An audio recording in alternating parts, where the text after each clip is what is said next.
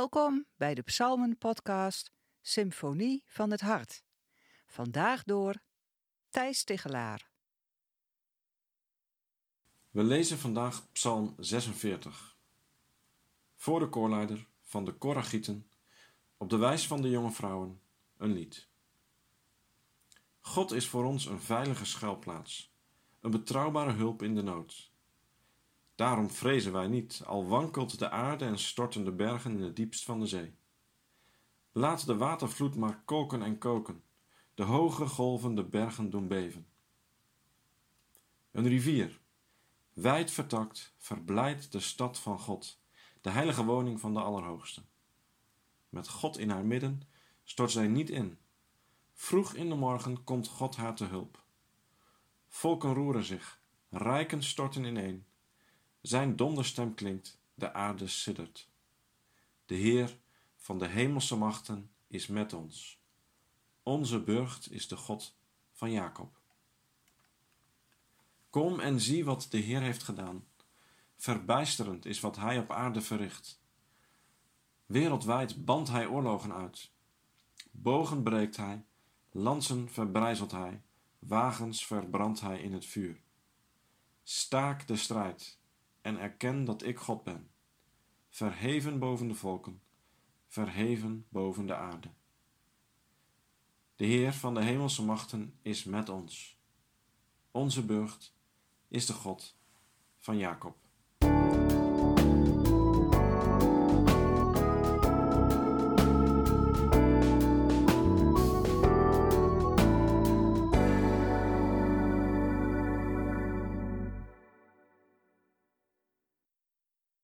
We vergeten blij te zijn. Dit zijn opmerkelijke woorden uit de mond van de Kroaat Miroslav Volf, als je bedenkt dat hij in de jaren 80 persoonlijk vervolgd werd door het Joegoslavische regime. Later zag hoe zijn vaderland uiteenviel door een bloedige oorlog. En nog later zich als theoloog verdiepte in de complexiteit van vergeving en verzoening. Deze man weet als geen ander hoe vernietigend en ontwrichtend het kwaad is. En toch roept hij op tot blijdschap. Want, zo zegt hij, echte vreugde bevat de boodschap dat het kwaad niet overwint. Iets soortgelijks zien we gebeuren in Psalm 46. Er is sprake van kwade dreiging. De aarde schudt op haar grondvesten, bergen storten in, als pijlers van de schepping. En de watervloed kolkt en kookt. Verderop in de psalm ontdek je dat dit natuurgeweld mede dient als metafoor voor politiek en militair geweld. De strekking is in ieder geval: hier is geen verdediging tegen opgewassen. Maar toch wordt er gesproken over een schuilplaats. In een situatie waarin de aarde wankelt en zelfs de bergen instorten, kan dat niet gaan over een materiële schuilplaats. Nee, het gaat over de Heer van de hemelse machten. En er is een rivier. Wijd vertakt verblijdt deze rivier de stad van God. En daardoor stort zij niet in. Te midden van alle dreiging vindt de psalmist iets wat onverwoestbaar is, hoe groot het geweld ook is. Vaak wordt geweld gevolgd door nog meer geweld, en zo herleeft het kwaad keer op keer, als een vuur dat steeds heter wordt opgestookt, waardoor je denkt: het kwaad gaat winnen de mooie woorden van Psalm 46. Dat God wereldwijd oorlogen uitbandt, bogen breekt, lansen verbrijzelt en wagens verbrandt in een vuur, lijken goed beschouwd nogal utopisch. Toch wordt het patroon soms doorbroken. Zo wilde Zuid-Afrika de eindeloze spiraal van geweld en vergelding en wraak doorbreken. Nadat het land was verscheurd door 50 jaar apartheidspolitiek, werd in 1995 gezocht naar hoe het land opnieuw kon worden opgebouwd. Hoe kon er worden gewerkt aan een gemeenschappelijke toekomst? Er werd besloten tot een Truth and Reconciliation Committee, een proces van waarheid en verzoening. Daders van geweld konden amnestie krijgen in ruil voor de waarheid. En er kwam waarheid op tafel. Golven van afschrikwekkende verhalen overspoelden de commissie. Ook Desmond Tutu, De voorzitter was regelmatig uit het lood geslagen. Maar hij volbracht zijn taak in de kracht van God. Je kan meer horen over deze Desmond Tutu in de zeer aan te raden podcast Moderne Profeten van de EO. En daarin hoor je onder andere ook een fragment uit een preek van Tutu uit 1988, ver voor de val van het apartheidsregime. Moet je horen hoe hij daarin spreekt tot de leiders van Zuid-Afrika. Jullie denken misschien dat je machtig bent, maar jullie zijn God niet. Jullie zijn gewoon stervelingen, net als wij. Jullie hebben al verloren.